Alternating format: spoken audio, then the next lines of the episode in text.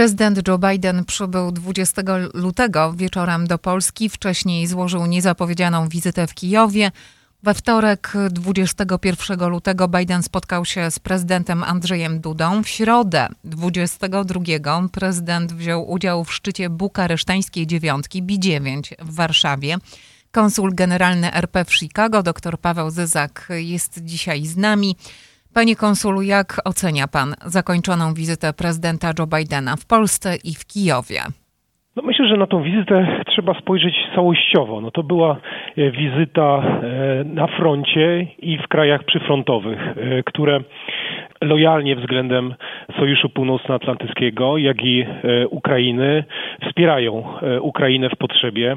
Państwo, które zostało najechane przez e, zbrodniczy reżim putinowski e, na Kremlu. No, wizyta Bidena służyła przede wszystkim na e, podtrzymaniu tej postawy państw sojuszniczych, państw przyfrontowych, czyli Europy Środkowo-Wschodniej, pewnemu podsumowaniu tego, co się przez ostatni rok wydarzyło. Przede wszystkim podkreśleniu tego, że Stany Zjednoczone to, co obiecały najechanemu Ukrainie, tego dotrzymały i e, podkreśleniu, zaznaczeniu, że Stany Zjednoczone wciąż będą e, Ukrainę wspierać. E, będą wspierać zarówno militarnie, jak i dyplomatycznie i politycznie. Ale panie konsulu, czy pan mhm. przewidywał, no bo wiemy, że ta część wizyty, a mianowicie podróż Bidena pociągiem, do ukraińskiej stolicy była do końca utrzymywana w tajemnicy. Pan się spodziewał, że jednak Biden się na to zdecyduje, żeby tam pojechać i tam na miejscu rozmawiać z Zełenskim?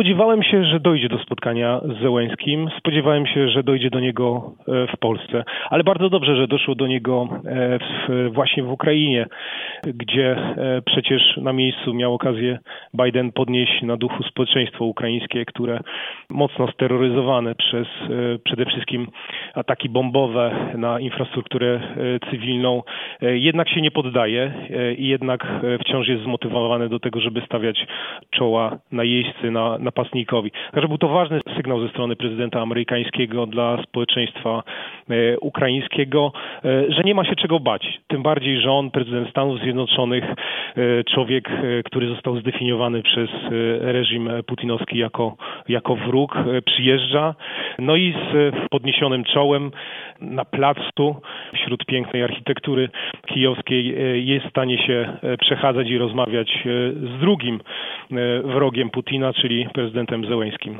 Dodajmy przy dźwięku syren.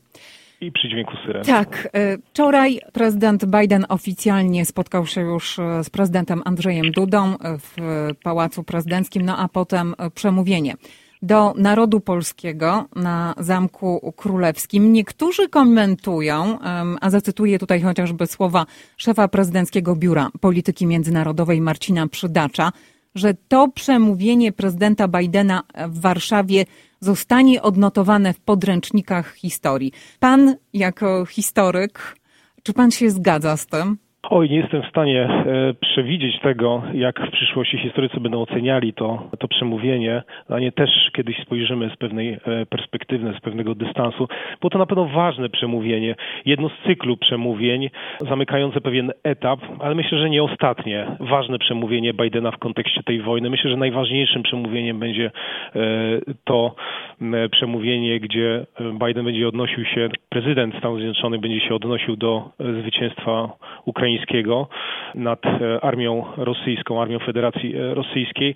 E, no, to było przede wszystkim przemówienie, w którym Biden przypomniał, że Stany Zjednoczone są stanowcze i konsekwentne w tym, co robią względem Ukrainy, że nie ma wahania, nie było do tej pory żadnego wahania, nie było próby testowania woli ukraińskiej, zmuszania Ukraińców do zawierania jakichś zgniłych pokojów i nie będzie tego w przyszłości. Do momentu, momentu pełnego e, zwycięstwa. Ważny sygnał dla Ukrainy, dla Europy Środkowo-Wschodniej i dla całego Sojuszu Północnoatlantyckiego, a zatem Europy Zachodniej. Przyjeżdża lider, lider jest zdecydowany, lider ma wizję i e, lider będzie kontynuował wsparcie dla państwa ukraińskiego. Konsul generalny RP w Chicago Paweł Zyzak jest naszym gościem. Rozmawiamy o wizycie prezydenta Bidena w Polsce. Ta wizyta dobiega końca. No dobrze, ale y, porozmawiajmy, panie konsulu, jak mhm. ważna jest ta wizyta dla samej Polski. No, Polska stała się miejscem strategicznym e, w Europie. E, no, jest dzisiaj miejscem ważniejszym w kontekście tego konfliktu, jak nawet Izrael i Arabia Saudyjska, gdzie obecnie sytuacja jest, można rzec, względnie spokojna. Dzisiaj oczy całego świata zwrócone są na Ukrainę i to, co się tam wydarzy. No, jeden z największych rywali Stanów Zjednoczonych, pretendent do tego, żeby uczynić świat multipolarnym, czyli takim, w którym znowu przywrócone zostaną strefy wpływów, właśnie mm, poharatał sobie zęby. I na pewno Polska jako państwo przyfrontowe, państwo, które wspiera militarnie i politycznie i ekonomicznie i przyjmując uchodźców, e, Ukrainę, ma szansę wkrótce dołączyć e, do grona e, zwycięzców. Prezydent Stanów Zjednoczonych przyjeżdżając tutaj na miejscu, przyjeżdżając do swojego rodzaju bazy polityczno-wojskowej, no podkreśla to znaczenie e, Polski. A czego polski rząd, Pana zdaniem, i czego y, Polacy w kraju oczekują jeszcze od Stanów Zjednoczonych? Większej obecności militarnej. W tej chwili w Polsce mamy około 10 tysięcy amerykańskich żołnierzy. Czy powinno ich być więcej? No i na pewno już ta ilość e, jest ważnym sygnałem dla potencjalnego agresora, naszego sąsiada północno-wschodniego. Na pewno zwiększenie ilości wojsk byłoby tym sygnałem, byłoby było jeszcze mocniejszym sygnałem. E, I myślę, że to jest tylko kwestia czasu. No, była pewna psychologiczna bariera w postępowaniu decydentów amerykańskich, e, żeby przenieść bazy amerykańskie bardziej na wschód, żeby przenieść wojska amerykańskie bardziej na wschodnie terytorium Polski przy granicy z Białorusią i Rosją. Myślę, że ona została ostatecznie pokonana. Zresztą wojska amerykańskie znajdują się przy granicy wschodniej dzisiaj, głównie przy granicy e, ukraińskiej. Myślę, że jest kwestią tylko e, czasu, kiedy obecność amerykańska, obecność natowska zostanie wzmocniona e, w Polsce Wschodniej. Kongresmen Mike Quigley, którego pan zna, demokrata z Chicago, ale z drugiej strony wielki przyjaciel Polski. Powiedział między innymi, że wizyta Bidena w Warszawie jest hołdem dla wyjątkowej roli Polski w tym właśnie konflikcie, no ale dodał także, że Polska jest niezbędnym partnerem dla Stanów Zjednoczonych i dla Ukrainy. Jakie komentarze słyszy pan od amerykańskich e, przyjaciół w kręgach dyplomatycznych w związku z tą wizytą?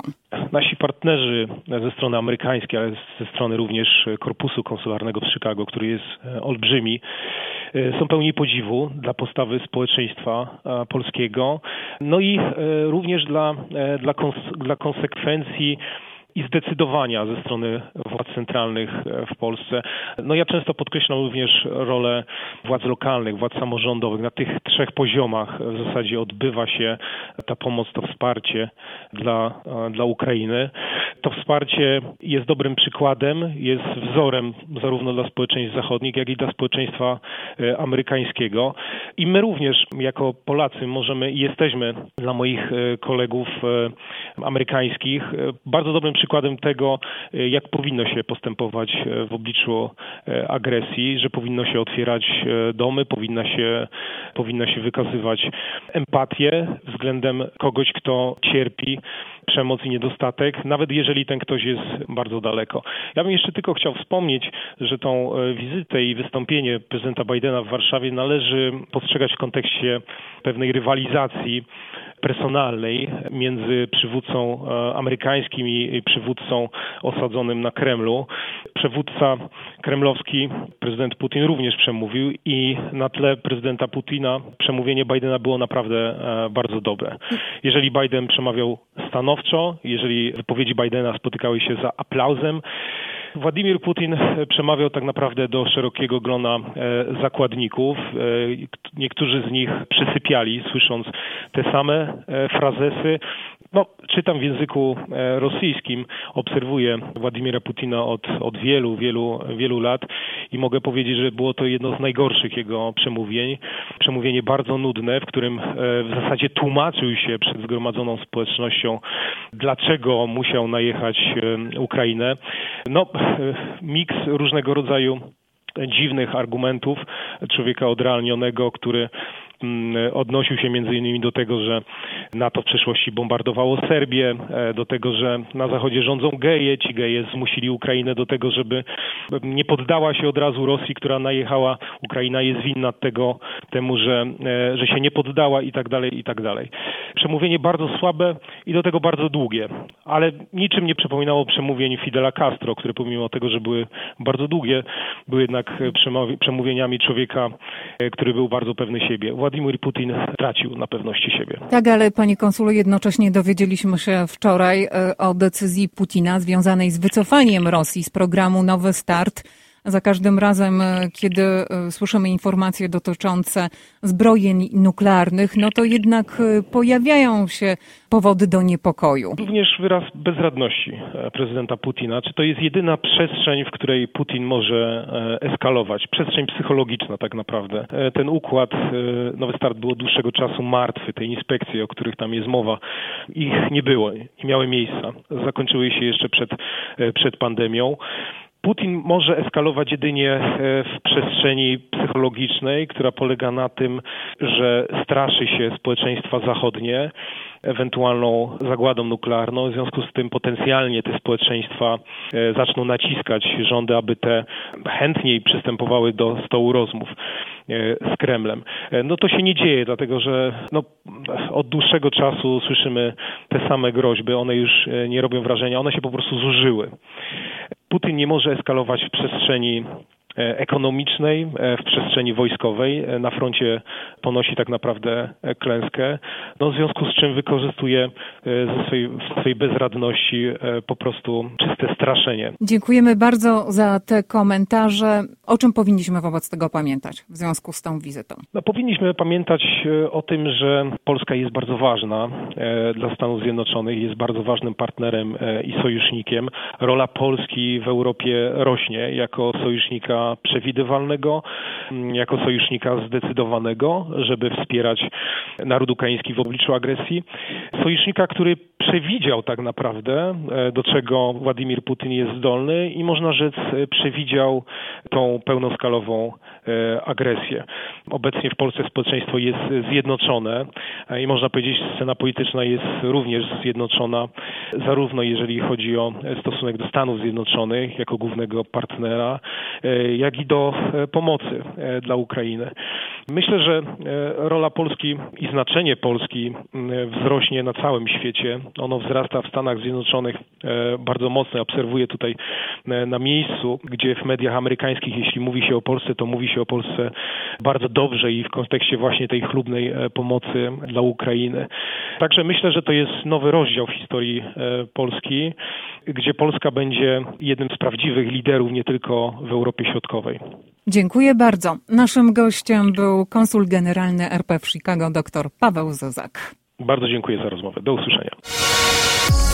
Polish American News. Redakcja Dziennika Związkowego w Radiu 103.1 FM.